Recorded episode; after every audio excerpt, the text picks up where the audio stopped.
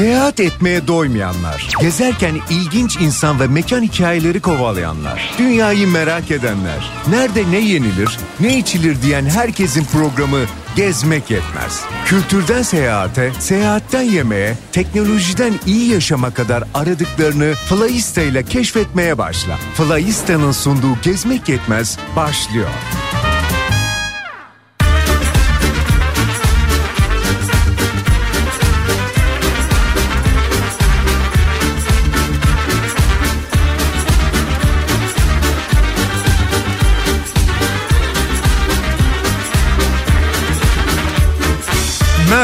Sevgili Kafa Radyo dinleyicileri. Bir pazartesi akşamında siz değerli gezmek yetmez dostlarıyla bir aradayız. Hoş geldiniz, sefalar getirdiniz. Ben Oğuz Otay ve teknik masada sevgili Mehmet Efe Kafa Radyo'nun Kavacık Ender Uslu stüdyolarında yerlerimizi aldık. Flysta.com seyahat sitesinin katkılarıyla sunulan seyahat etmeyi sevenlerin ilginç mekan ve insan hikayelerinin peşinde koşanların nerede ne yenir ne içilir diyenlerin programı gezmek yetmez. Bu akşamda huzurlarınızda her zaman olduğu gibi bu akşamda ödüllü bir sorumuz var.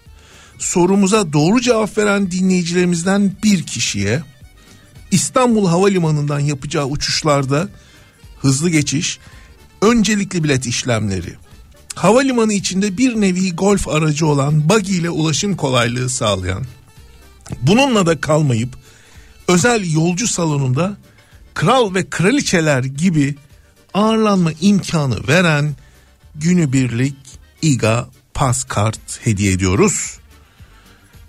Bu akşamın ödülünü kazanmak için cevaplamanızı istediğimiz sorumuz şöyle. Tahran'da geçmişte şahların ikametgahı olarak kullanılmış dünyanın dört bir yanından özel olarak getirilmiş çiçekler ve ağaçlarla kaplı bahçesiyle ünlü sarayın ismi nedir? Soruyu tekrar edeyim istiyorsanız Tahran'da geçmişte şahların ikametgahı olarak kullanılmış dünyanın dört bir yanından özel olarak getirilmiş çiçekler ve ağaçlarla kaplı bahçesiyle ünlenmiş sarayın ismini soruyoruz. Sorumuzun cevabı için her zaman olduğu gibi bu akşamda ipucumuz var. Google'da vizesiz Tahran boşluk Flyista. Vizesiz Tahran boşluk Flyista yazıp bir arama yapıyorsunuz. O aramada ilk sırada karşımıza çıkan nedir Mehmet yazımızın başlığı? Vizesiz Keşif Tahran. Vizesiz Keşif Tahran başlıklı güzel fotoğrafların ve hoş bilgilerin olduğu yazı karşımıza çıkıyor. Ona tıklıyorsunuz. O yazının içerisinde sorumuzun doğru cevabı var. Bu arada Mehmet de bir taraftan e, aşağıya doğru yazıyı indirirken ben sorunun doğru cevabını gördüm. Herkese başarılar diliyoruz. Bu akşam e, sorumuz e, vizesiz keşif Tahran başlıklı yazıdan geliyor ve Tahran'a atıfta bulunuyor. Peki doğru cevabı buldunuz. Ne yapacağız?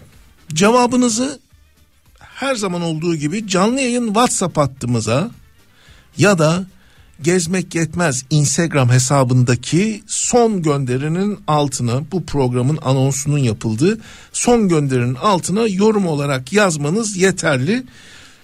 Kafa Radyo canlı yayın WhatsApp hattımız 0532 172 52 32. Tabi ben daha canlı yayın WhatsApp hattını anons etmeden üç kıymetli dinleyicimizden Deniz Hanım'dan hemen bakıyorum. Deniz Hanım'dan ve kimlerden var efendim? İsimlerini göremediğim üç dinleyicimizden ama bir tanesi Deniz Hanım. Gelen mesajlar var. Mesajlarınızı bu akşam 0532 172 52 32 0532 172 52 32 nolu Kafa Radyo canlı yayın WhatsApp hattına bekliyoruz ya da ya ben WhatsApp'tan yazamam. Instagram'dan yazamam mı derseniz evet yazabilirsiniz. Gezmek yetmez Instagram hesabı son gönderinin altına yorum olarak yazabilirsiniz. Ve gecenin talisini işte bu doğru cevaplardan seçeceğiz efendim. Evet Mehmetçim sorumuzu sorduk. O zaman stüdyodaki konuğumuzu anons edelim değil mi? Bu akşam stüdyomuzda İstanbul'u sokak sokak adımlayıp kıyıda köşede kalmış unutulmuş tarihi ve kültürel değerleri, insan hikayelerini kovalayan ve bunları Mecmua Net isimli sosyal medya hesabıyla meraklıyla buluşturan gazeteci, yazar ve gezgin Sami Bayraktar konuğumuz efendim. Sami Bey hoş geldiniz. Hoş bulduk teşekkür ederim. Tabii bunu dilerim. Teşekkürler. Bizi kırmadınız bu akşam stüdyomuzu şereflendirdiniz. Tabii efendim sadece sosyal medya hesabı değil aynı zamanda Sami Bey'in elimde bir de kitabı var. Taşların dilinden İstanbul işte bu akşam bu hikayeleri konuşacağız ve bu kitaptan konuşacağız.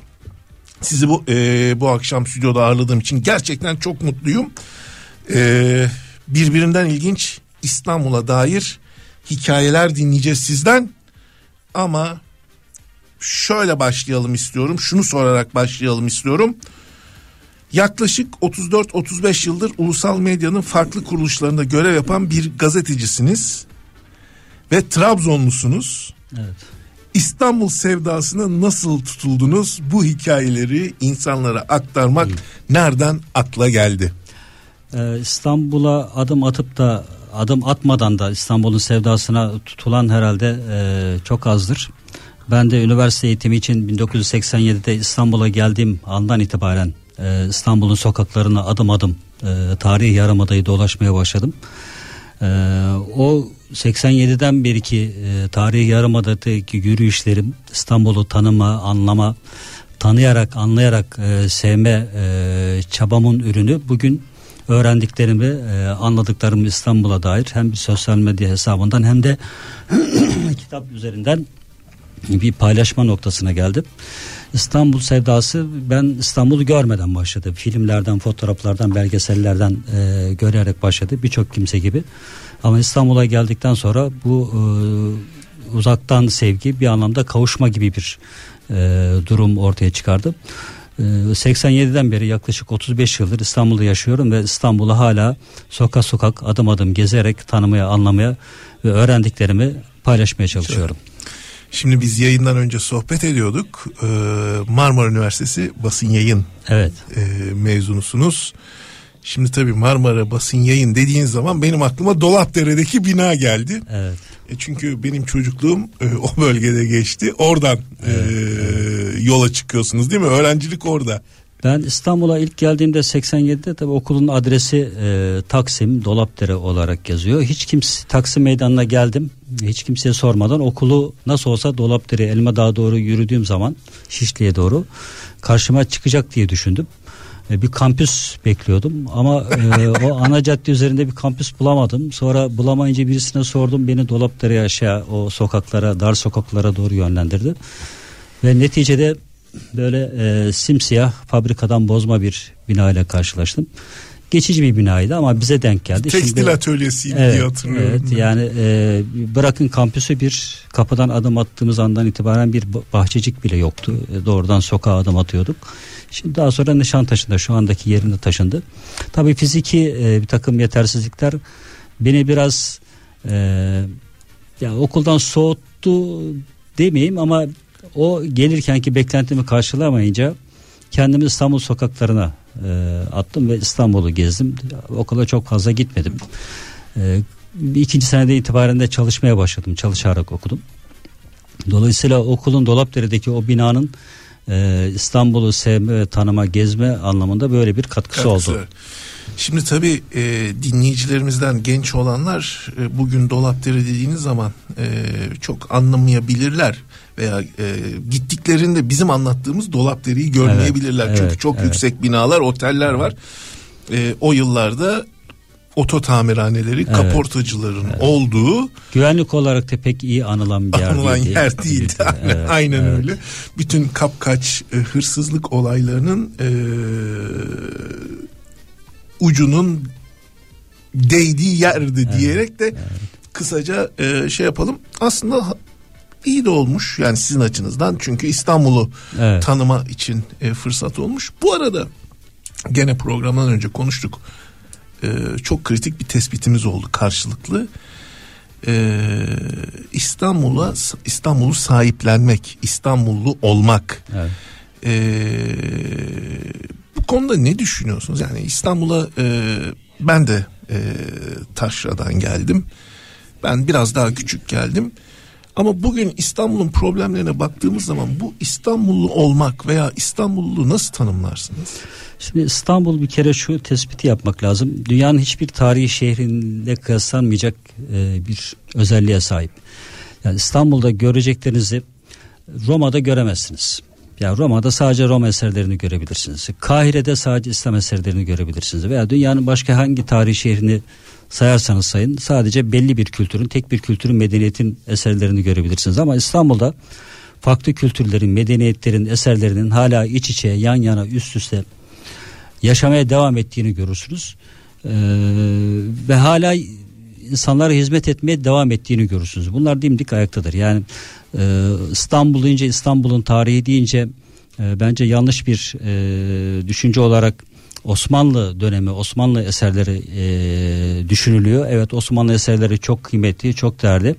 Ama Osmanlı'dan önce de bize miras kalan bir kültür ve medeniyetin izleri var ve Osmanlı eserleriyle birlikte iç içe yaşamaya ve insanlara hizmet etmeye devam ediyor.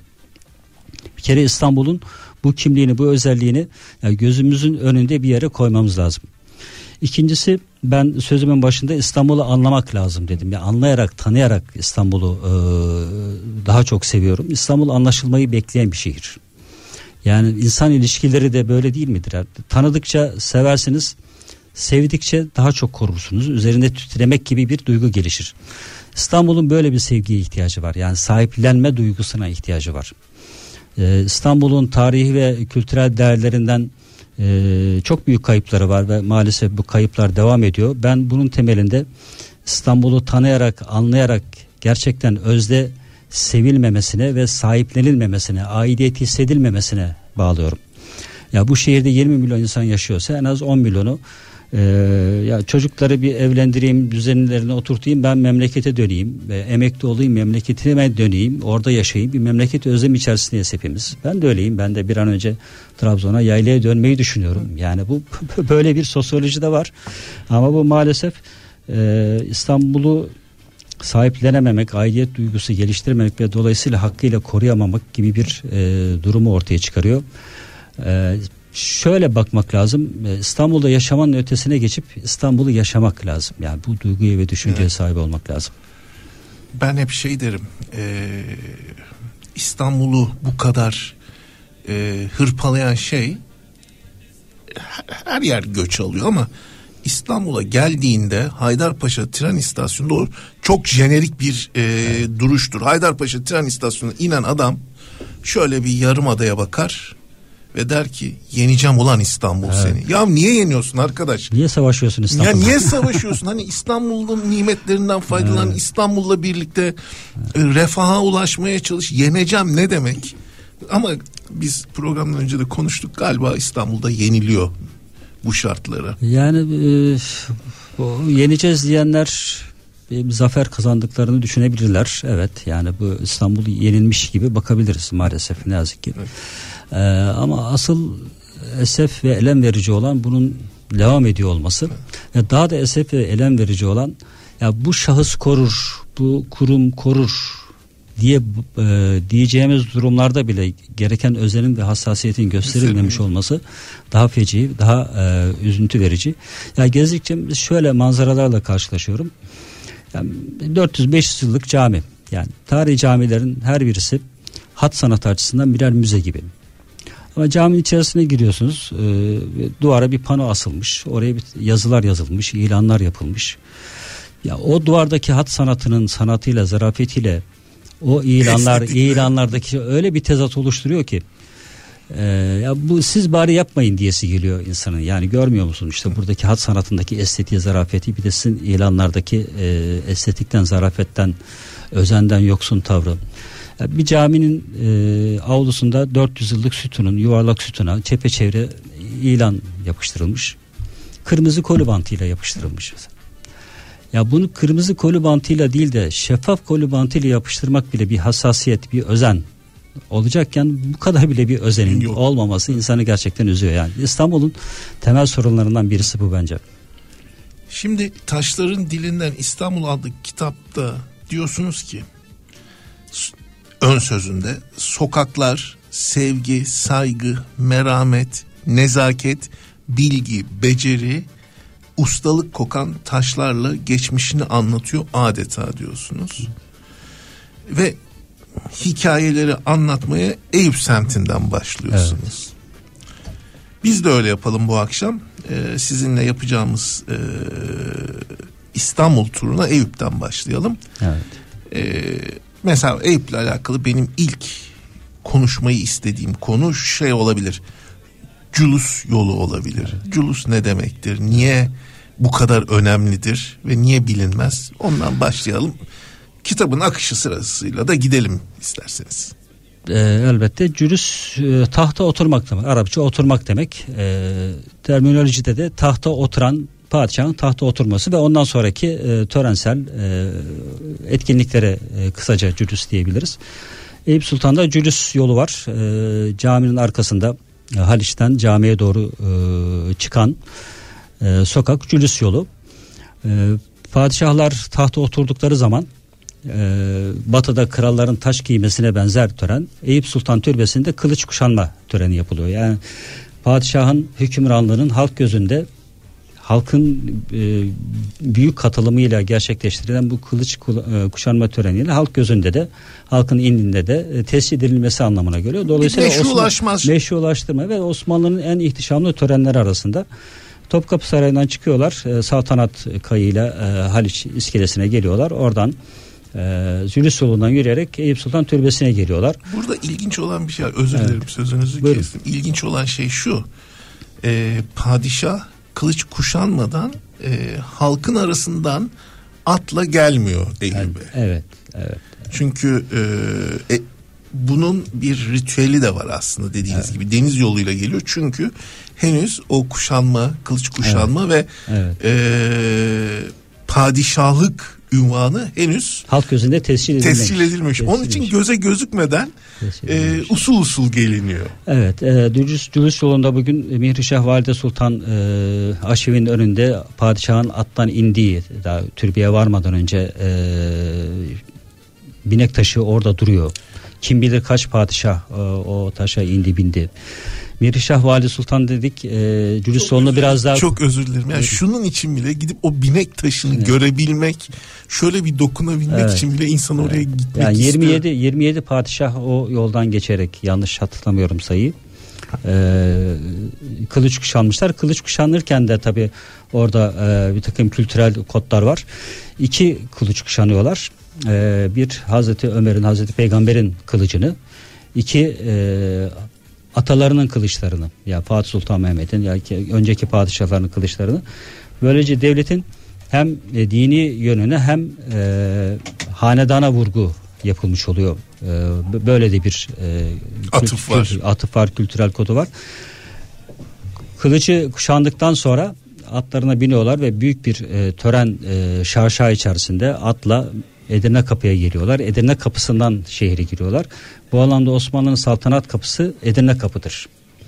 E, nasıl Roma'nın e, e, saltanat kapısı e, yeni Yedikule'deki altın, Altın kapı, kapı. altın kapıysa Osmanlı'nın saltanat kapısı da e, e, Edirne kapıdır. Ve güzergah boyunca Topkapı Sarayı'na gelene kadar ne kadar dedelerin türbeleri varsa ziyaret ederek e, Topkapı Sarayı'na dönüyorlar. E, Cülüs yolunda bir birkaç ayrıntıya dikkat çekmek isterim. Benim İstanbul'da yürümekten e, en çok hoşnut olduğum, sevdiğim yerlerden birisidir. Bilir, çok güzeldi. Yani oraya girmemeleri gerektiği halde giren arabalar olmasa ve hiç kurtulamadığımız o kablolar olmasa 300-400 yıl önceki bir İstanbul sokağında yürüyormuşsunuz gibidir. Ya taş döşemeli yollar, yüksek duvarlar. Yani 2024 yılında e, olduğunuzu hissetmezsiniz. O sokağa mührünü vuran Mihrişah Valide Sultan Osmanlı Hanım Sultanları içerisinde en e, cömert ve en İstanbul vakıf eserleriyle donatanlardan bir tanesidir. E, kurduğu aşevi bugün hala 250 yılı yakındır. E, her gün e, yoksullara, muhtaçlara yemek çıkarmaya devam ediyor. Bir de iyiliği güzellikle taşlandırmış. E, o aşevinin e, köşesine yaptırdığı Sebil Çeşme İstanbul'un en zarif, en ihtişamlı çeşmelerinden bir tanesi. Yani iyiliğin güzellikle taşlandırılması. Benim İstanbul'u gezerken tabii en çok dikkat ettiğim şeylerden bir tanesi, dikkatimi çeken şeylerden bir tanesi estetik, sanat, zarafet. Evet. Yani sanatsız taş üstüne taş bırak koymamışlar. Ya bu sadece Ayasofya gibi, Süleymaniye gibi, Sultanahmet gibi herkesin zarafetini, mühendisliğini, mimarisine hayran olduğu eserlerde sınırlı değil. Yani eski İstanbul'un sıradan bir sokağında, taşrası diyebileceğimiz bir sokağındaki evlerde bile bir estetik kaygı, bir zarafet görürsünüz. Ya mutlaka görürsünüz. Hiçbir şey göremezsiniz. Mahalleye, çevreye, sokağa uyum görürsünüz. Yani çeşmenin sokağın başına bir çeşme mi yapılacak? Yani taşları taş üstüne koy. Oluğu da bağla sana çeşme. Ama hayır yani öyle bırakılmıyor. Mutlaka o çeşme şıkır şıkır olacak. Yani böyle e, gözleri okşayacak.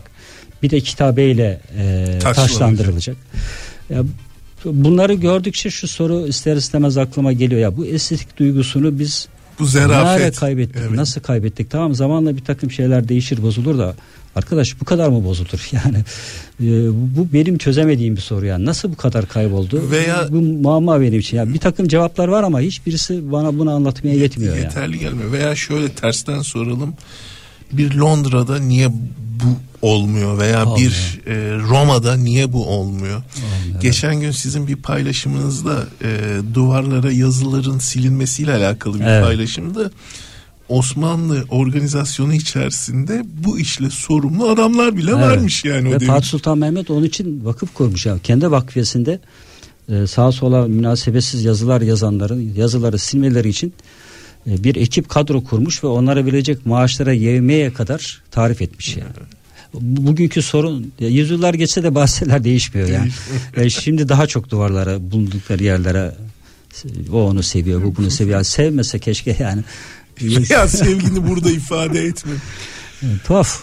Şimdi İstanbul konuşuyoruz. Ee, benim sizin kitabınızdan öğrendiğim bir konu var. Onu evet. bir kere söyleyeyim. İstanbul konuşuyoruz ve İstanbul'u genelde İstanbul e, haberlerde depremle anılıyor. Evet. Sizin kitapta da şöyle bir şey okudum. Zelzele kuyusu diye bir şey var. Evet.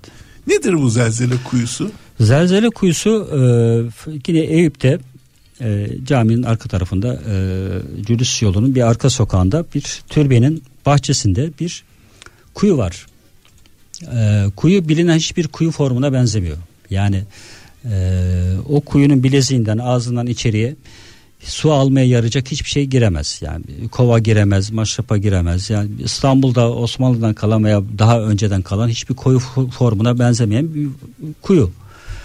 Ee, dolayısıyla bu ne olabilir? Ee, sorusu akla geliyor. Bu sorunun peşine düşen e, tarihçiler, sanat tarihçileri ben birkaç kaynaktan okudum bunu. Ve bunun zelzele kuyusu olduğunu söylüyorlar. Onun da sebebi şu 1509 depremi İstanbul'da çok büyük bir deprem yani e, küçük kıyamet olarak adlandırılan bir deprem İstanbul yerle bir oluyor yani neredeyse tamamen yıkılıyor. Ondan sonra ikinci Beyazıt dönemi e, Sultan II. Beyazıt dönemi bu depremden sonra e, devlet adamları teknik heyet de soruyor padişah yani bu, bu ne olacak bu deprem bir daha olursa ne olacak bu depreme karşı nasıl tedbir olabiliriz almadan diye olmadan diye Rivayete göre e, dönemin teknik ekibi e, böyle bir teklif getiriyor. Yani bu yeraltı gazlarından kaynaklanıyor. İstanbul'un muhtelif yerlerine kuyular açarsak bu gazı tahliye edebiliriz ve bu bir daha olmaz. E, böyle 200'e yakın başka bir kaynakta yazıda okuduğuma göre 2000'e yakın böyle zelzele kuyuları açılıyor gaz tahliye kuyuları. O kuyulardan sadece o türbenin önündeki kuyunun e, kalabildiği söyleniyor. Bu e, bir, bir belgeli arşivden çıkarılmış bir kayıtlı bir bilgi değil. E, ama böyle bir bilgi var. Yani e, kamuoyunda muteber olarak kabul edilen bu konularda e, araştırmacılardan duyduğum, okuduğum bir bilgi. Bu böyle, böyle bir böyle bir hikaye. Fakat e, sözünüzü kestim. Bunu e, şunla da tamamlamak isterim. Bu kuyu zamanla e, bir dile kuyusuna dönüşüyor. Yani vatandaş geliyor, kuyuyu bozuk parayla dolduruyor. Ev isteyen, araba isteyen, kısmet isteyen. Müftülük yapmayın, etmeyin. Ya bu hurafedir, böyle şey olmaz size baş edemeyince şimdi kuyunun ağzını demir şeyle kapattılar. Türbenin etrafı da kapalı yani. Bu da bizim toplumsal bir gerçeğimiz. Gerçekten. Şimdi bugün bir birinci bölümde bu Eyüp'le alakalı konuştuklarımızdan sonra e, konuklarımızın, dinleyicilerimizi oraya yollamaya, motivasyona tam gaz devam ediyoruz. Birinci bölümün sonunda dinleyicilerimiz muhtemelen diyecekler ki ya kardeşim bu kadar anlattılar bu hafta sonu bir gidelim diyecekler. Ama henüz gitmeye karar vermemişleri için evet. bir konuya daha değinelim. Evet. Şimdi Eyüp dediğimiz zaman Eyüp Sultan dediğimiz zaman semt itibariyle e, Osmanlı mezarlarının en yoğun evet. en e, gösterişlerin yani gösterişten kastım da bütünlük anlamında Sanat ve, sanatsal anlamda evet. e, olduğu bir yer. Bununla alakalı ne söyleyeceksiniz? Genel anlamda Osmanlı mezar taşları hepsi e, birer sanat eseri. Bir tarih ve kültür hazinesi. Ee, üzerinde yazılanı okuyup okuyamamak ayrı bir tartışma konusu. Fakat okuyamazsanız bile Osmanlı mezar taşları hakkında biraz bilginiz varsa erkeğe mi ait, kadına mı ait, sağlığında e, hayattayken komutan mıydı, bürokrat mıydı, sadrazam mıydı? Hepsinin şekillerine bakarak anlayabilirsiniz. Ölüm, ölüm sebeplerini. Ölüm sebeplerini okuyabilirsiniz. Yani bıçaklanarak öldürülmüşse onu yazar. Ayasofya'da bıçaklanarak öldürüldü yazan bir mezar taşı var mesela. E, vebadan mı ölmüş, savaşta mı şehit olmuş. Fes şekilleri, ee, sarık şekilleri. şekilleri. Kadın mezar taşlarında şey yoktur. Ee, mesela başlık yoktur. Ha. Çiçeklerle e, sembolize edilir. Kadın zarafetine uygun bir şekilde. Üzerindeki işlemeler, motifler, çiçekler başlı başına bir sanat eseri. Hatta mensup oldukları tarikatlar tarikata kadar, tarikata kadar. Dolayısıyla tarihçiler şöyle bir şey söylerler. Yani bütün e, tarihi kayıtlar yok olsa sadece mezar taşlarını okuyarak yeni baştan bir tarih yazılır.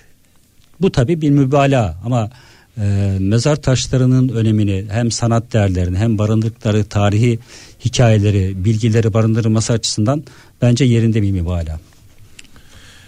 Şimdi mezar taşları tabii çok mezar taşı var. Hani mesela o tarafa gittiğimiz zaman çok nadir olan bu cellat e, mezar taşları da vardır ama şu meşhur 40 yıllık kani olur mu yani sözünün çıktığı veya o sözü yaratan zata e, ait mezar taşı ve bu sözün hikayesinden de bir bahsedelim mi? Çok 40 kısa. yıllık kâni olur mu yani niye diyoruz ya bu bu zamana kadar hep böyleydi. Bu gerçek budur. Değişir mi yani? Böyle bir şey olur mu anlamında kullandığımız bir söz. Kâni efendi bir bürokrat, devlet adamı. Fakat e, aynı zamanda nükledan, nükledan, şakacı ve sözünü sakınmayan bir devlet adamı. E, bu özelliği sebebiyle de bir yerde dikiş tutturamamış. Sürekli oradan oraya sürülmüş. Ee, en son rivayete göre e, Balkanlarda bir yerde e, kaymakamlık yaparken ya da devlet görevlisi olarak bulunurken bir gayrimüslim hanımefendiye aşık oluyor. Oranın eşrafından belki oranın e, valisinin kızı.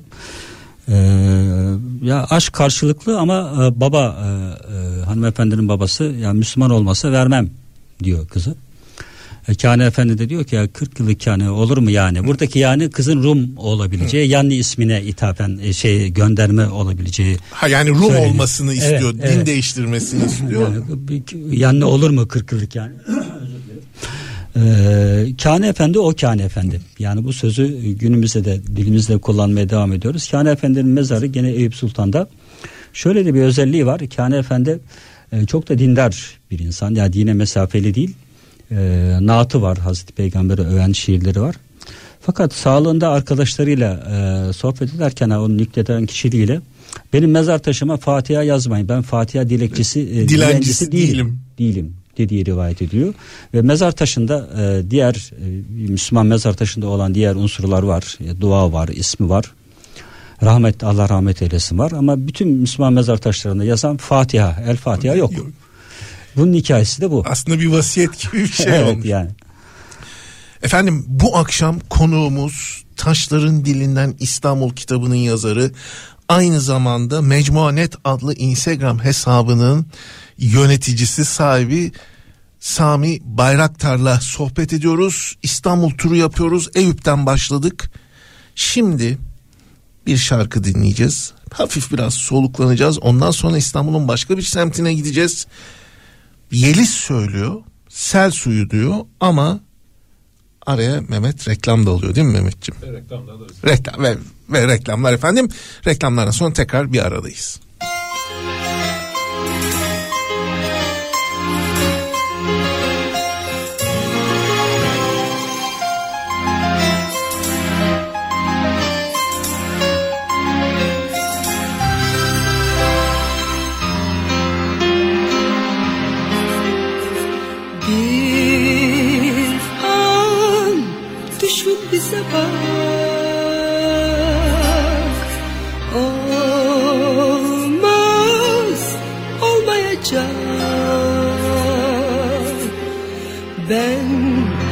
Senle ancak hiç düşünmeden Öylece, öylece, öyle mutluyum.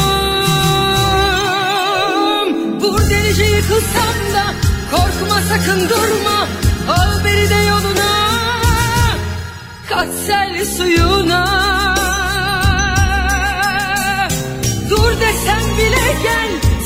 suyuna kim engel? Senle yaşanar hep O an güzel. Vur delice yıkılsam da korkma sakın durma. Al beni de yoluna Kat sel suyuna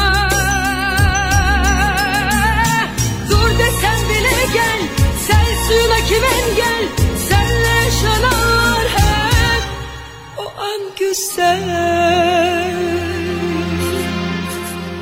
Senle gerçek olmasın Yağmur ıslatmasın.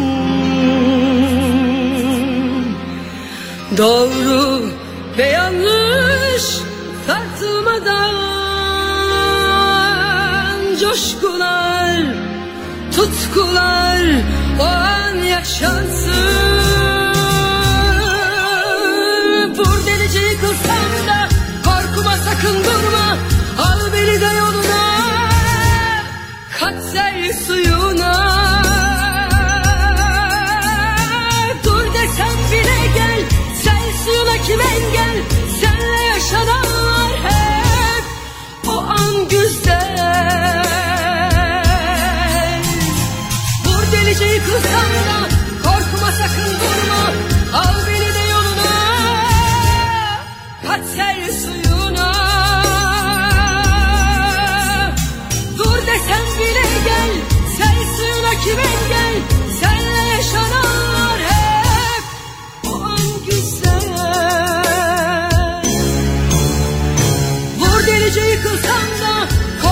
sakın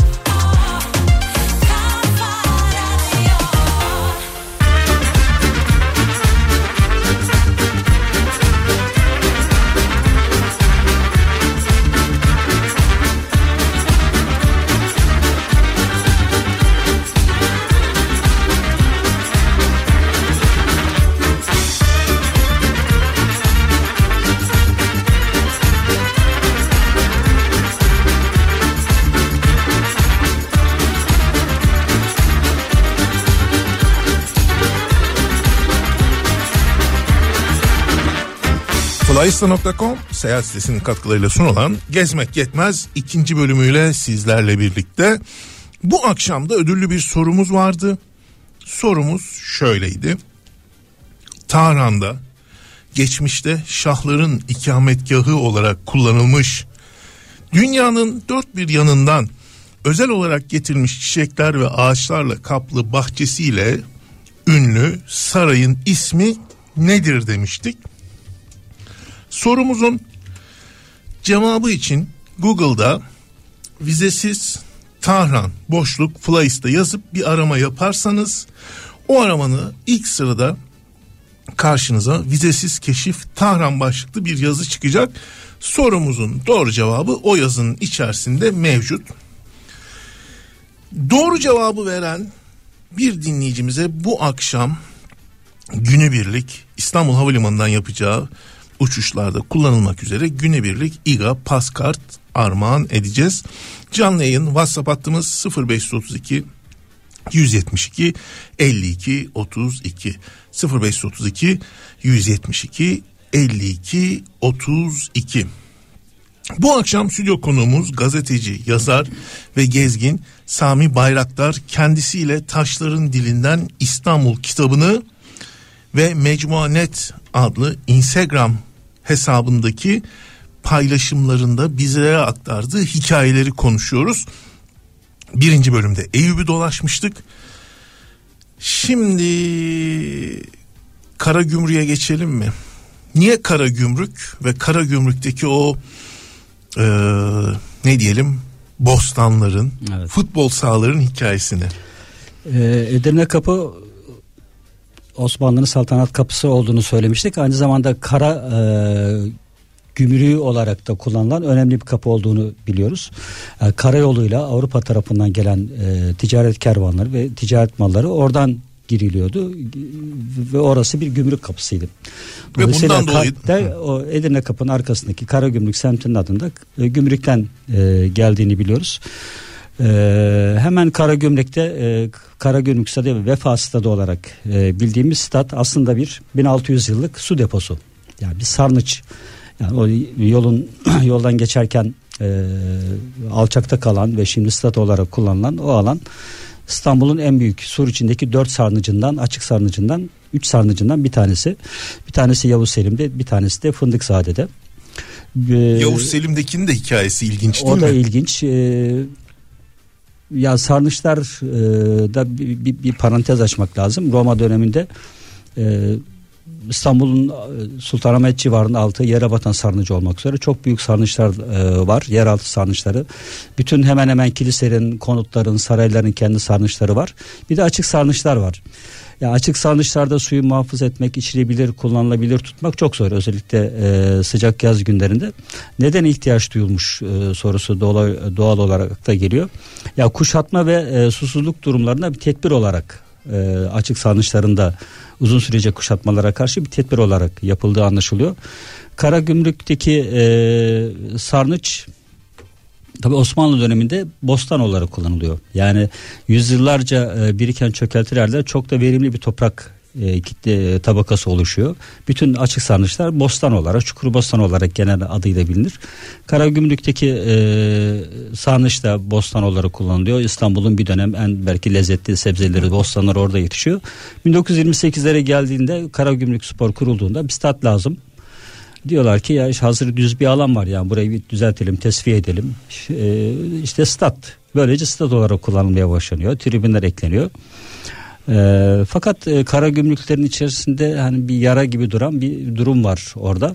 1945'lerde meşhur Milliyetin Bakanı Hasan Ali Yücel Ali Yücel. Vefa Lisesi mezunu, Vefalı. Vefa Spor'da var. E, stadı Vefa Spor'a tahsis ediyor. E, stadın adı da Vefa Stadı olarak kalıyor. Hala şu anda da Karagümrük Vefa Stadı olarak resmen kullanılıyor bildiğim kadarıyla yanlış bilmiyorsam ama netice itibariyle Vefa Stadı olarak kalıyor. Karagümrükler için bu hala bir e, böyle bir, ukde. işte, e, bir meseledir. Dolayısıyla o o gördükleri çukur e, alan stat aslında bir 1600 yıllık Roma sarnıcıdır. Bir de yanlış hatırlamıyorsam bu e, Yavuz Selim'deki e, şu anda park olan bölge Evet. de şey e, sarnıç açık hava sarnıcı ama orasını e, pazar yeri olarak galiba belediye ilk önce tahsis ediyor sonra pazarcılar gitmiyor oraya. Orasında e, 4. Leon zamanında bildiğim kadarıyla yanlış hatırlamıyorsam Aspar Roma'nın e, meşhur komutanlarından 4. Leon'un e, tahta çıkmasına bir isyan sırasında e, tahta çıkmasını sağlıyor ve hayrına o sarnıcı yaptırıyor. Aspar sarnıcı olarak da biliniyor. Fakat bir süre sonra imparator e, ihanet ettin bana diye idam ettiriyor. Yani bir hayır eseri bırakıyor sarnıçta ama kendi siyasi sonu pek hayırlı olmuyor. Ee, orası da ben e, üniversite yıllarında Fatih'te kaldım. Fatih Camii'nin avlusunda Fatih Sultan Mehmet'in yaptırdığı Sahni Seman medreselerinde o zaman üniversite yurduydu. Benim tarihle hemhal olmam da biraz ondan Oradan. kaynaklanıyor. Dolayısıyla 87'den biri oraları biliyorum. O zaman oranın e, sarnıç içerisinde bir Osmanlı mahallesi vardı. Osmanlı döneminden kalma ahşap evler vardı. Gene Boston olarak kullanılıyordu. Fakat sonra dediler ki burayı semt pazarı yapacağız. Fatih'in çarşamba semt pazarı da çok meşhurdur bilenler bilir. Böyle sokaklar caddeler boyunca uzanır.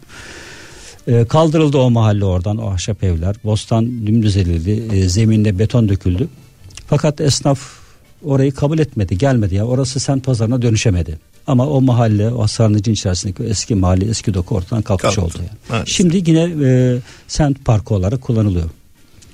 Şimdi bu akşam e, diyoruz ki taşların dilinden İstanbul. O zaman bir iki taştan bahsedelim. Mesela ilk aklıma gelen kitapta bahsettiğiniz e, bir hamal taşı var. Evet. Zeyrek yokuşunda. Ona değinmişken bir de şu e, sadaka taşlarından da şöyle hızlıca bahsedelim. E, bu bölümde taşlardan bahsetmeden geçmemiş olalım. İstanbul'un e, hikayesini anlamak için, tanımak, anlamak için taşların diline, seslerine kulak vermek lazım. Yani İstanbul dinlemek isteyen için böyle hikayelerini bir dinleyen birisi olsa da anlatsam diyen bir şehir. E, kitabın adı da buradan e, çıktı. E, sadaka taşları halen günümüzde sağda solda kimisi e, perişan vaziyette gördüğümüz birer iyilik anıtı diyebileceğimiz eski kültürün bir izi. Şimdi ben bu kitap vesilesiyle e, okullara, e, konferanslara da gidiyorum. Çocuklara anlatıyorum. Ya eskiden sadaka taşı varmış. Kalabalık yerlere, mezarlıkların önlerine, hastanelerin önlerine yani yoksul ya da muhtaç e, kişilerin çokça bulunduğu yerlere üstü oyuk sütunlar dikilirmiş. Hali vakti yerinde olanlar gece vakti kimse görmeden oraya sadakasını bırakırmış. E, muhtaç olan da ihtiyacı kadar olanı alır. Gerisine dokunmazmış. Sadaka taşı budur dediğimde çocuklar bana ya hocam sen ne anlatıyorsun? Gibi bakıyor. Ya bir ütopik bir durum gibi geliyor ama bu taşlar var yani kalanlar Hala var günümüzde. halen var. Ee, ya bir kısmı çok vefasızlık kanıtı gibi duruyor. Yani çok kötü muamele gören taşlar var ama iyi durumda olanlar da var. Sadakaşı böyle böyle bir taş. Yani veren elin alan eli görmediği kimsenin onurunun zedelenmediği e, O dönemde keşke görseydik de gerçekten öyle mi ama böyle anlatılıyor. Ee, kimsenin ihtiyacından fazlasına dokunmadığı bir kültürden, bir anlayıştan bahsediliyor ve bunun e, ayakta kalan nişaneleri e, sadaka taşları. Ee, Hamal taşı. Hamal taşı e, İstanbul'un yokuşları meşhur. Eskiden e, şehir içi yük taşıma e, yükü hamalların sırtında. Hamallar e, yoruldukları zaman yüklerini küfelerini indirmeden e, yükleriyle birlikte otursunlar diye yüksekçe yapılmış taşlar. Yani bir anlamda eski zamanın şehir mobilyaları diyebiliriz. Ya bugünkü parklardaki banklar gibi. Z- e, Zeyrek yokuşuna çıkarken e, var. Bir tane de bildiğim kadarıyla Beşiktaş'ta Yahya Efendi yokuşuna çıkarken var. Ayakta kalanlar bunlar. Bir de çeşmelerin tarihi çeşmelerin özellikle büyük çeşmelerin önünde iki taraflı böyle kanepe gibi oturma grubu gibi duran yükseltiler vardır. Aslında onlar da hamal taşıdır. Hamal ya da yaşlılar ama özellikle hamamlar yüklerini indirmeden yüküyle birlikte otursun, elini yüzünü yıkasın, eee, nefeslensin. Sonra yüküyle birlikte kolayca kalksın gitsin diye yükseltilerek yapılmış eee, şehir mobilyaları. Bu arada siz e, Zeyrek yokuşundaki hamal taşından bahsedince aklıma şey geldi. İstanbul deyimlerinden bir tanesi. Serçeden başka kuş, Zeyrek'ten başka yokuş Evet. tanımam. Yani öyle bir yokuş orası. Sıkı bir yokuşları. Sıkı bir yokuş Yokuşlar. orada var. Mehmetçim e, saatimiz 9'a yaklaşıyor. Senin biliyorum e, bir küçük araya ihtiyacın var. Hemen o arayı verelim efendim. Biz e, çok hızlı bir şekilde küçük bir ara yapıp tekrar sizlerle birlikte olacağız. Kaldığımız yerden devam edeceğiz. Aman bir yerlere ayrılmayın lütfen.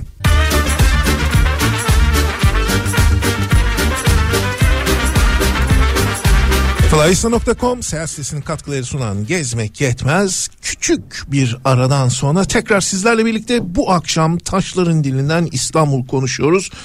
Ee, konuğumuz Sami Bayraktar kendisi hem bu güzel kitabın yazarı hem de aynı zamanda Instagram'da Mecmuanet adlı Instagram hesabının yöneticisi. Ee, şimdi Zeyrek dedik, taşlar dedik. Bu İstanbul'da ee, çok enteresan incelikler var. Mesela kitap kitapta diyorsunuz ki bazı toplumsal inceliklerden bahsediyorsunuz. Evet. Ee, şöyle bir taraftan da açayım. O incelikler neler? Bizle bir paylaşabilir misiniz? Eski İstanbul'da nezaket, edep, terbiye neymiş? Ben baktım şöyle hemen 66. sayfada diye not almışım. Ee, camın içine konulan çiçekten tutun da misafire sunulan kahveye kadar e, birbirinden ilginç e, anekdotların olduğu e, hoş bir bölüm var. Evet. Onunla alakalı da şöyle bir dinleyicilerimize bu İstanbul'da neler olmuş neler bitmiş istiyorsanız onlardan bahsedelim. Ya şöyle bir e, genel e, tanım vardır. İstanbul hanımefendisi, İstanbul beyefendisi. Ya eski dönem kültürel yaşamından, sosyal yaşamından, e, o günleri yaşayanlardan, e, hatıralardan Osmanlı kültür tarihini e, yazanların bize aktardığı bilgiler, toplumsal yaşamdaki inceliklere, nezakete e, ve insana saygıya dair bir takım e, incelikler bunlar. Ya benim de okuduğum zaman e, ya bizim kaybımız işte bu dedirti dedirten bana öyle düşündürten e, bir takım incelikler. Yani mesela eve misafir geldi. Misafirin ayakkabısını düzeltirken eğer e, ucunu e, içeriye doğru koyarsanız başka bir anlamı var. Dışarıya doğru çevirirseniz başka bir anlamı var. İçeriye doğru çevirirseniz misafirliğinizden çok hoşnut kaldık. E, tekrar bekleriz. Dışarıya doğru e, koyarsanız ya çok daha daha bir daha gelmesin de olur gibi bir anlamı e, olabiliyor. Mesela eskiden pencere önünde sarı çiçek varsa bu evde e, hasta var. E, sessiz olun sokaktan geçenlere e, hastayı rahatsız etmeyin. Daha dikkatli olun mesajı verildiği e, verilirmiş. Böyle bir incelik var. Eğer e, pencerenin önünde kırmızı saksı varsa bu evde gelinlik genç kız var. Yoldan geçenler e, konuşmalarınıza e, dikkat edin. E, küfür etmeyin. Daha özenli olun. E, anlamı taşırmış. Ge- genelde bilinen bir şeydir. Kahvenin yanında misafir geldiği zaman aç mısın tok musun diye sormak bugün de geçerli bir kültür. E, nezaketsizlik olarak kabul edilir. E, kahve ile birlikte su e, verildiği zaman önce suyu içerse açım, kahve içerse tokum anlamına e, gelirmiş. E, bu- böyle incelikleri e, okudukça, öğrendikçe dediğim gibi e, yani mimarideki estetiği kaybetmemiz gibi birbirimize saygımızda, davranışımızdaki kayıplarımızın da çok olduğunu görüyorum yani. Her şeyin eskisi gibi devam etmesi mümkün değil. Yani bunu beklemiyoruz ama ya keşke bir bir iz kalsaydı. Ya bir tane numune kalmaz mı Kalsaydı, kardeşim kalsaydı değil mi? yani. Ee, şimdi bir de e, sizin kitabınızda bir hikaye var.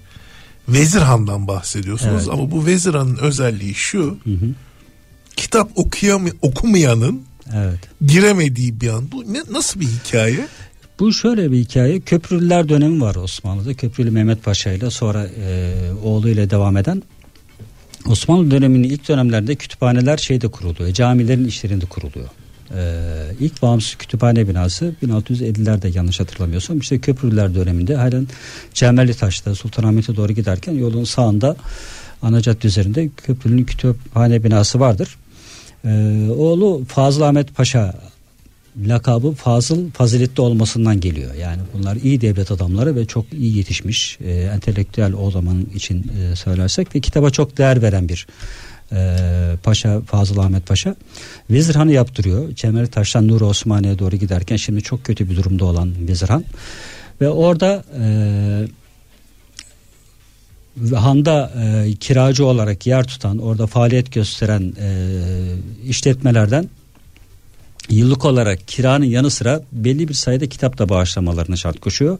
Ve Han'da e, çalışanlardan ve geceleyenlerden konaklayanlardan da belli bir sayıda kitap okumalarını istiyor. Yani bu şart koşmak da olabilir ama buna teşvik yönlendirme Tavsiye de de olabilir. olabilir. Tavsiye de olabilir. Ee, böyle bir hikayesi var. Dolayısıyla Vezirhan'ı yaptıranın Fazıl Ahmet Paşa olmasından hareketle çok da şaşırtıcı bir şey değil. Değil. Şimdi madem taşları konuşuyoruz İstanbul'un taşlarının hikayesini İstanbul'un hikayesini taşlarından dinliyoruz. Ee, İstanbul'da benim dikkatimi çeken şeylerden bir tanesi kuş evleri. Evet. Ee, bir kuş evleri nedir? Hı hı.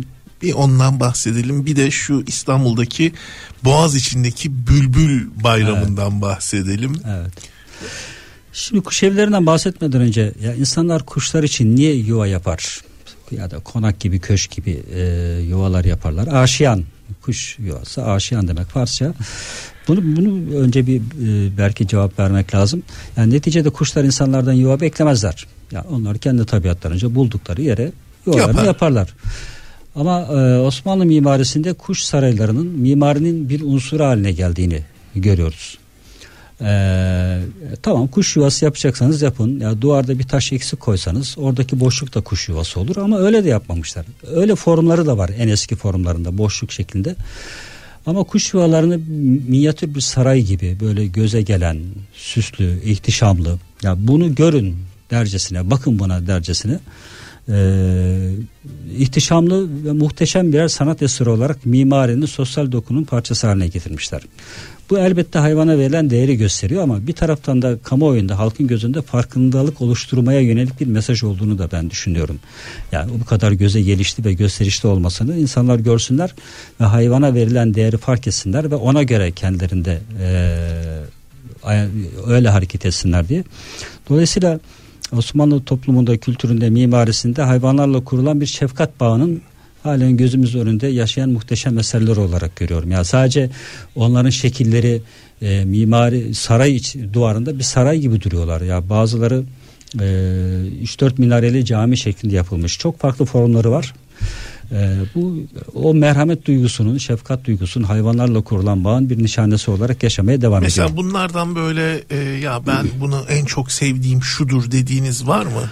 E, Üsküdar'da e, Valide Akif Cedid Cedid. meydandaki e, camisinin iki e, avlu duvarının köşelerindeki en güzellerinden bir tanesi. Selimiye Camisi'nin biraz yukarıda e, kuş evleri çok güzel.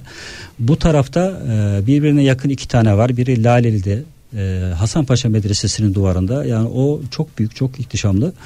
E, böyle bakıldığı zaman Ayasofya Camisi'ne de benzetilmiş. Benzer. Öyle bir formu da var. Biraz aşağıda Laleli Camii e, 3. Mustafa Türbesi'nin e, duvarında var.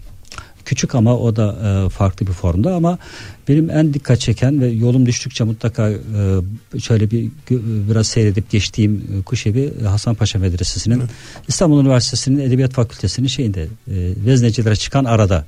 Beyaz tamamından o merdivenlerden çıkarken orada yani. Orada görebilirler. Bülbül yuvasından, bülbül bayramından söz edecektik. Ee, şimdi eskiden hani bülbüllerin sesine herkes hayran olur ve bülbül bulduğu zaman dinlemeyi herkes ister. Ee, ama eskiden Osmanlı toplumundaki e, kültür e, ögelerinden bir tanesi de şuymuş. Yani yani ne güzel ötüyor mübarek denilip geçilmezmiş. Yani bülbül gerçekten dinlenirmiş ve bülbül bayram dinleme bayramı diyebileceğimiz bir gelenek gelişmiş. Yani Nisan'dan Mayıs'ın sonuna kadar bülbüllerin dem çektiği, boğazdaki koruları şenlendirdiği, bülbülleri dinlemek için özel e, etkinlikler düzenlenirmiş. Sadece boğazda oturanlar değil, yani bencillik de yapmazlarmış. Boğaza uzak semtlerdeki yakınlarını da birkaç günlüğüne yatıya çağırır ve birlikte e, bülbül dinlerlermiş. Yani bu böyle bir kültür varmış. Bir taraftan Boğaz'ın e, koylarında sazendeler, var. sandallar, e, mehtaba çıkmalar, bir taraftan bülbüller yani o atmosferi düşünmek bile ilgili günler dedirtiyor. E, bu arada size bir teşekkürüm var bu noktada söyleyeyim. Ben e, sosyal medyada içeriklere başladığım zaman ve kitap ya hazırlığı başladığı zaman bu bülbül dinleme dinlet e, dinleme geleneğini sizin Instagram sayfanızda gördüm. Yani sizin baştan beri takip ediyorum. O bana ilham verdi. Dolayısıyla bu kitaba ve kitaptaki bu bülbül bayramı e, kısmının ilhamı siz oldunuz. Bu teşekkürü de yerine getirmiş oldum. Çok çok teşekkür ederim. O zaman biz de rahmetli Rauf'u yad edelim. Ee, o yazıyı ben e, bir sabah böyle evimde uyandığımda sabah erken saatinde e, ezan sesinden önce bülbül sesi duymuştum ve kaydedip bizim rahmetli Rauf'a atmıştım. E, oğlum dedi bu dedi kırmızı gerdanlı bülbül dedi. Dedim ya nasıl anlıyorsun bunun sesinden falan. Onun üzerine de merak edip araştırıp bu o paylaşımı yapmıştım. Nereden nereye işte böyle e, onları rahmetlanmış olalım. Bu akşam e, taşların dilinden İstanbul'u konuşuyoruz. E, şimdi çok ilginç bir hikaye var. Şöyle e, ilk önce dinleyicilerimize nereden bahsettiğimizi anlatayım. Efendim e, Şişhane'den aşağı indiğinizi varsayın. Unkapanı Köprüsü'ne gelmeden Karaköy'e doğru hemen sola dönün. O Perşembe Pazarı'nın o caddesine girmeden sağ tarafta muhteşem devasa bir çeşme göreceksiniz. Şimdi size o çeşmenin hikayesini soracağım. E, çünkü oldukça e, hoş, oldukça e, gene e, merhametin e, içinde yer aldığı bir hikaye. E, Salih Sultan Çeşmesi'nin hikayesi nasıl bir hikayesi var? Ee, Salih Sultan Çeşmesi'nin yetimlikten, e, fakirlikten saltanata e, ve sonra vefaya uzanan hikayesi var. Siz de biraz bahsettiniz. İstanbul'daki en abidevi sebil çeşmelerden bir tanesidir. Yani e, mimarisi, sanatı, e, zarafetiyle İstanbul'u süsleyen eserlerden bir tanesidir. Hikayesi şu. E, padişahın annesi e, Gündüş Valide Sultan Rabia Gündüş Valide Sultan e, olarak biliyorum e, 4. Mehmet'in eşi galiba yani isimleri karıştırabilirim İstanbul'u gezmeyi seven bir hanım sultan Valide Sultan e, bir gün oradan geçerken bir e, çeşmenin başında ağlayan e, 10 yaşlarında bir kız çocuğu görüyor. E, yanına yaklaşıyor. Kızım niye ağlıyorsun diyor. O da diyor ki ve kırılmış bir testi var yanında. O da diyor ki ya eve su getirmeyi e, beceremedim, başaramadım. Onun için ağlıyorum diyor. Sonra e, değişik versiyonları var hikayenin ama e, kız e, çocuk bir e, öksüz yetim bir varlıklı bir ailenin yanında e, barınıyor. Evlatlık. Evlatlık. E, Galiba orada şey de diyor değil mi? Hani testinin kırılmasına değil o incecik akan sudan saatlerce anca doldurabildim. Evet, evet, evet. De- ve götüremedim, eve su götüremedim. getiremedim diyor. Valide Sultan e, bu kızcağızı ailenin rızasıyla e, saray alıyor. Çok zeki bir hanımefendi, çok iyi bir eğitim alıyor, yetişiyor. Sonra kendisi e, oğluyla evleniyor, padişahın eşi oluyor E, ve geldiği yeri unutmuyor. E, bir gün e, kendisi de e, kırık testinin başında ağladığı yere geliyor ve o çeşmenin yerine bugünkü çeşmeyi yaptırıyor bir vefa anıtı olarak. Hikayesi böyle. Öyle.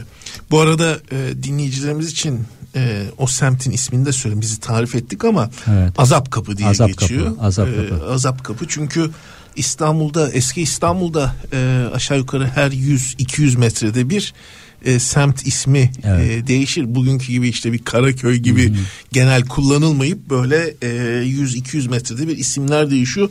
Bu isimleri de ben yeri geldikçe hep tekrarlıyorum. Hani unutulmaz ama dinleyicilerin de kulağında yer etsin diye. Şimdi Çeşme deyince aklıma bir şey geldi. Ee, bir çeşmeden bu geldi. Ee, İstanbul'un bir derbisinden bahsedelim mi? Evet. Ya bugünkü İstanbul takımları, büyük takımlarımız arasındaki e, derbiler çok e, kıyasıya geçiyor. Rekabet çok e, koyu. Ama bu rekabet e, çok eskiye dayanıyor. Yani Roma dönemine de gidebiliriz. Gidebiliriz. Roma döneminde e, hipodromdaki maviler ve yeşillerin e, at arabası yarışlarından da başlatabiliriz ama e, daha yakına gidersek Osmanlı döneminde e, diyelim ki Fenerbahçe Galatasaray rekabetinin derbisinin e, örnekleri lahanacılar bamyacılar arasında Ya yaşanmış. ben bu isme çok gülüyorum. Lahanacılar ve bamyacılar. Lahanacılar ve bamyacılar yani e, Amasya'da e, Çelebi Mehmet dönemine uzanan bir hikayesi var. E, orada asker e, içerisinde e, savaş oyunları, e, savaş talimi almaları için lahanacılar ve bamyacılar takımları kuruluyor ki bunlar esas itibariyle atlı şey oynuyorlar. Cirit. Atlı Cirit yani temel savaş oyunu. Bu arada Birinin la, Amasya'nın lahanası yanlış. Bamyası, Amasya'nın bamyası, Merzifon, Merzifon'un Merzifon'un lahanası. lahanası. Sonra bir rekabet İstanbul'a taşınıyor ama öyle böyle bir rekabet değil yani çok kıran kırana bir rekabet ve padişahlar da e, takım tutuyorlar ve kendileri de o takımların üyesidir. Mesela 3. Selim çok sıkı bir e, lahanacılar Lahanacı. e, şeyi taraftarı şiir bile yazmış yani lahanacı lahanacı lahanam diye yani lahana üzerine lahana spor üzerine şiir yazmış. E, fakat İkinci Mahmut da bamyacı değil mi? Evet. Fakat bu rekabet e, yani sporda görmek istemediğimiz şeyler de oluyor. Yani saha dışına da yansıyor. Saha içindeki gerginlik bir takım kavgalara ve cinayetlere kadar varınca 2. Mahmut döneminde galiba artık e, bu rekabet takımlar kapatılarak böyle e, 400 yıllık rekabet sona eriyor. Ama bugünkü rekabetin temellerini oraya dayandırabiliriz ve mezarlıklarda lahana başlı e, mezar taşları halen var. Çengelköy'de lahana başlı Çeşme var. Serkavas Ahmet Ağa çeşmesi. Ahmet Ağaç. Yani demek ki ya oyuncusuydu ya çok sıkı bir e, lahanacı e, taraftarıydı ki hatırasını e, yaptırdığı çeşmede taşıyor. Bu hatırayı mezar taşlarında taşıyanlar da var. O bahsettiğiniz çeşmede de hakikaten devasa böyle. Evet. Bir de çok canlı durur o lahana. Gerçi onu biz boyamışız üstünde Evet. ama Evet. Sonra restore edildi biraz daha aslına döndürüldü. Şimdi bu arada e, galiba Topkapı Sarayı civarında da e, şeyleri var değil mi bu? e, Yan yana Bamyacı ve şey anıtı fakat henüz ziyarete açık olmayan bir avluda bildiğim kadarıyla ben onu aradım ama e, göremedim. E, henüz ziyarete açık olmayan ya da göz önünde olmayan bir bir yerde. yerde. Evet. Ben de çünkü biliyorum ama ben de Evet. görmedim. Ee, şimdi şeyi sorayım. Artık yavaş yavaş programımızın da sonuna geliyoruz. Ee, İstanbul'da Culus yolu dedik onu bir tarafa bırakalım. Evet. Böyle günlük e, eski İstanbul mahallesinin havasını bize hissettirecek bir sokak var mıdır? Bir bildik bir yer var mıdır? Hani dinleyicilerimizin ya şuraya da git veya gideyim bir göreyim diyebileceği bir yer var mı? Çünkü kitapta öyle bir yerden bahsediyorsunuz diye hatırlıyorum. Süleymaniye tarafında galiba. Süleymaniye Camisi'nin e, yamacına doğru aşağıya doğru tam metro giriş tünelinin hemen üzerine denk gelen e, bir sokak var. E, orası e, Hemen bir taraftan da kitaba da bakayım ben. evet 63. sayfadaymış. Ee, Süleymaniye Ayrancı Sokak. Ayrancı Sokak. Ayrancı Sokak. E, bu sokak e, sıralı halde 15-20 tane 3 katlı konaklardan oluşan 1850 yıllardan kalma. Ya, tabii, taş döşemeli sokağıyla karşısındaki hemen evlerin karşısındaki e, yanlış hatırlamıyorsam bir e, Sibyan Mektebi binasıyla yine arabaları e, bir Yok şekilde sayarsak. yok sayarsak yani o sokağa girdiğiniz zaman Cumbalı konaklarıyla o e, Sibyan Mektebi'yle ve kendinizi Asfaltlanmamış iki- Arnavut asfaltlanmamış kaldırımıyla. kaldırımlarıyla e, 250 yıl önceki bir İstanbul sokağında yürüyormuş gibi hissedebilirsiniz. O konaklar e, 30-40 yıl öncesine kadar e, harabe durumdaydı. Restore edildi. Yani şimdi e, cepheleri de böyle e, hani fotoğraf çekilmek Instagram'lık da bir manzaralar sunan bir yer. Yani Süleymaniye tarafları yolları e, e, taraflarının yolu düştük zaman Ayrancı Sokağı bir görmelerini e, tavsiye ederim. Onun dışında benim İstanbul'da e, eski İstanbul'a İstanbul'u anlamak dediğimiz şeyi o kodları verebilecek mekanların başında Balat sokakları geliyor. Yani eskiden İstanbul'da yaşam nasıldı? Özellikle farklı kimliklerin, etnik kimliklerin, dini kimliklerin bir arada nasıl yaşadığını görmek için Balat sokakları, Fener Balat sokakları bir laboratuvar sunuyor bize. Çünkü e, kiliseler, İstanbul'un en eski sinagogları, Sinagogları evet. Ermeni kilisesi ayrı, Rum kilisesi ayrı, camisi hepsi bir arada.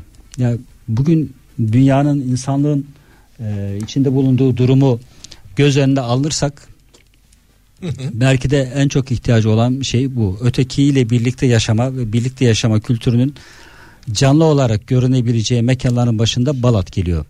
Dolayısıyla Balat sokaklarında yürümek e, benim en çok sevdiğim İstanbul turlarından birisi olduğunu söyleyebilirim.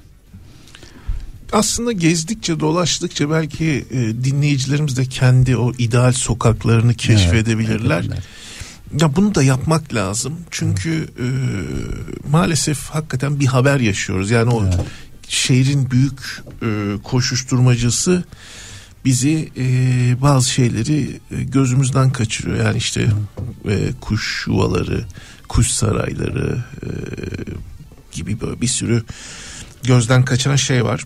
Ya şunu eklemek isterim. Ee, yani İstanbul'u anlamak, tanımak aslında kendimizi anlamak, kendimizi tanımak demektir. Yani bir bir kültür ve medeniyet e, geçmişiyle bağ kurmak demektir. Dolayısıyla İstanbul'un kültüründen, medeniyetinden, kültür ve medeniyet kodlarından, e, taşların e, anlattığı hikayelerden bir haber olmak bir anlamda kendimizden bir haber olmak demektir. Tan İstanbul'u tanıdıkça kendimizi tanımak ve kendimizle bağ kurmuş oluyoruz. Öyle hissediyorum ben. Ya bir binayı, tarihi yapıyı görürüz. Mimarisine, zarafetine hayran oluruz. Ama iki adım sonra daha ihtişamlısını görürüz. Öncekini unuturuz. Bunların akılda kalması için bunları meydana getiren e, düşünceyi, felsefeyi, kültür ve medeniyeti anlamak lazım. Dolayısıyla benim İstanbul'u anlayarak, tanıyarak gezmekten kastım bu. Ya yani sadece taşa odaklanmamak lazım. Onu ve o eseri meydana getiren düşünceyi de fark, farkına lazım. varmak lazım. Yani. Çok teşekkür ediyorum. Ben teşekkür ederim. Çok keyifli bir sohbet oldu efendim. Ama hep bana sordunuz siz de çok geziyorsunuz. Biz de sizden çok e, yararlanıyoruz. çok çok teşekkürler. E tabi ev sahibi olunca şimdi ayakkabıları ne yapıyorduk? İçeri doğru tutuyorduk evet. ki bir daha gelin bir daha konuşalım diye. Ben çok keyif aldım. Çok teşekkür ederim bu fırsatı verdiğiniz ben, için. Ben teşekkür ederim. Efendim bu akşam konuğumuz Taşların Dilinden İstanbul diyen değerli dostumuz Sami Bayraktar'dı. Hem bu güzel e, kitabın yazarı hem de aynı zamanda Instagram'da sosyal medyada e, Mecmua Net adlı hesabın e, yöneticisi sahibi e, takip et etmiyorsanız takip etmenizi öneririm. E, çok keyifli e, hikayeler, videolu hikayeler üstelik e, paylaşılıyor.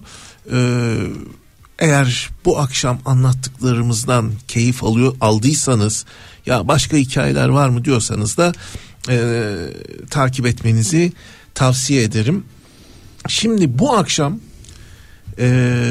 ödüllü sorumuz vardı. Demiştik ki Tahran'da geçmişte şahların ikametgahı olarak kullanılmış dünyanın dört bir yanından özel olarak getirilmiş çiçekler ve ağaçlarla kaplı bahçesiyle ünlü sarayın ismi nedir demiştik. Ee, sorumuzun doğru cevabı Niyavaran'dı. Niyavaran Sarayı'ydı. Doğru cevap veren dinleyicilerimizden bu gecenin talihlisi efendim Sayın Belma Usluoğlu oldu. Belma Usluoğlu. Belma Hanım sizi kutluyoruz. Ee, hafta içerisinde arkadaşlarımız sizinle temasa geçerek e, kazandığınız bu hakkı nasıl kullanabileceğinizi konusunda size bilgi verecekler. E, katılan herkese çok teşekkür ediyoruz. Çok sağ olun. E, bu akşam kazanamamış olabilirsiniz. Haftaya gene bir sorumuz var e, şansımızı haftaya da deneyebiliriz. E, dediğim gibi bu akşam konuğumuz Sami Bayraktar'dı. Kendisiyle İstanbul'da taşların dilinden İstanbul'u konuştuk. Ve e, bize ayrılan sürenin sonuna geldik. Hem de biraz geçerek sonuna geldik. E, umarım e, bu konuyu da bizi tenkit edecekler. Şu anda bu programı dinlemiyorlardır sevgili Güçlü Mete, Bülent, dinlemiyorlardır ama sohbet efendim ne yapalım çok tatlıydı konuğumuzun ağzından bal damlıyordu ama haftaya görüşünceye kadar hepinize sağlık, huzur, keyif ve mutluluklar diliyorum. Sami Bey size de tekrar çok teşekkür ben ediyorum. Çok teşekkür Ayaklarınıza ederim. sağlık. Ee, o zaman dinleyicilerimize e, Figen Genç'in Nazende Sevgilim adlı şarkısıyla veda edelim. Haftaya görüşünceye kadar hoşçakalın.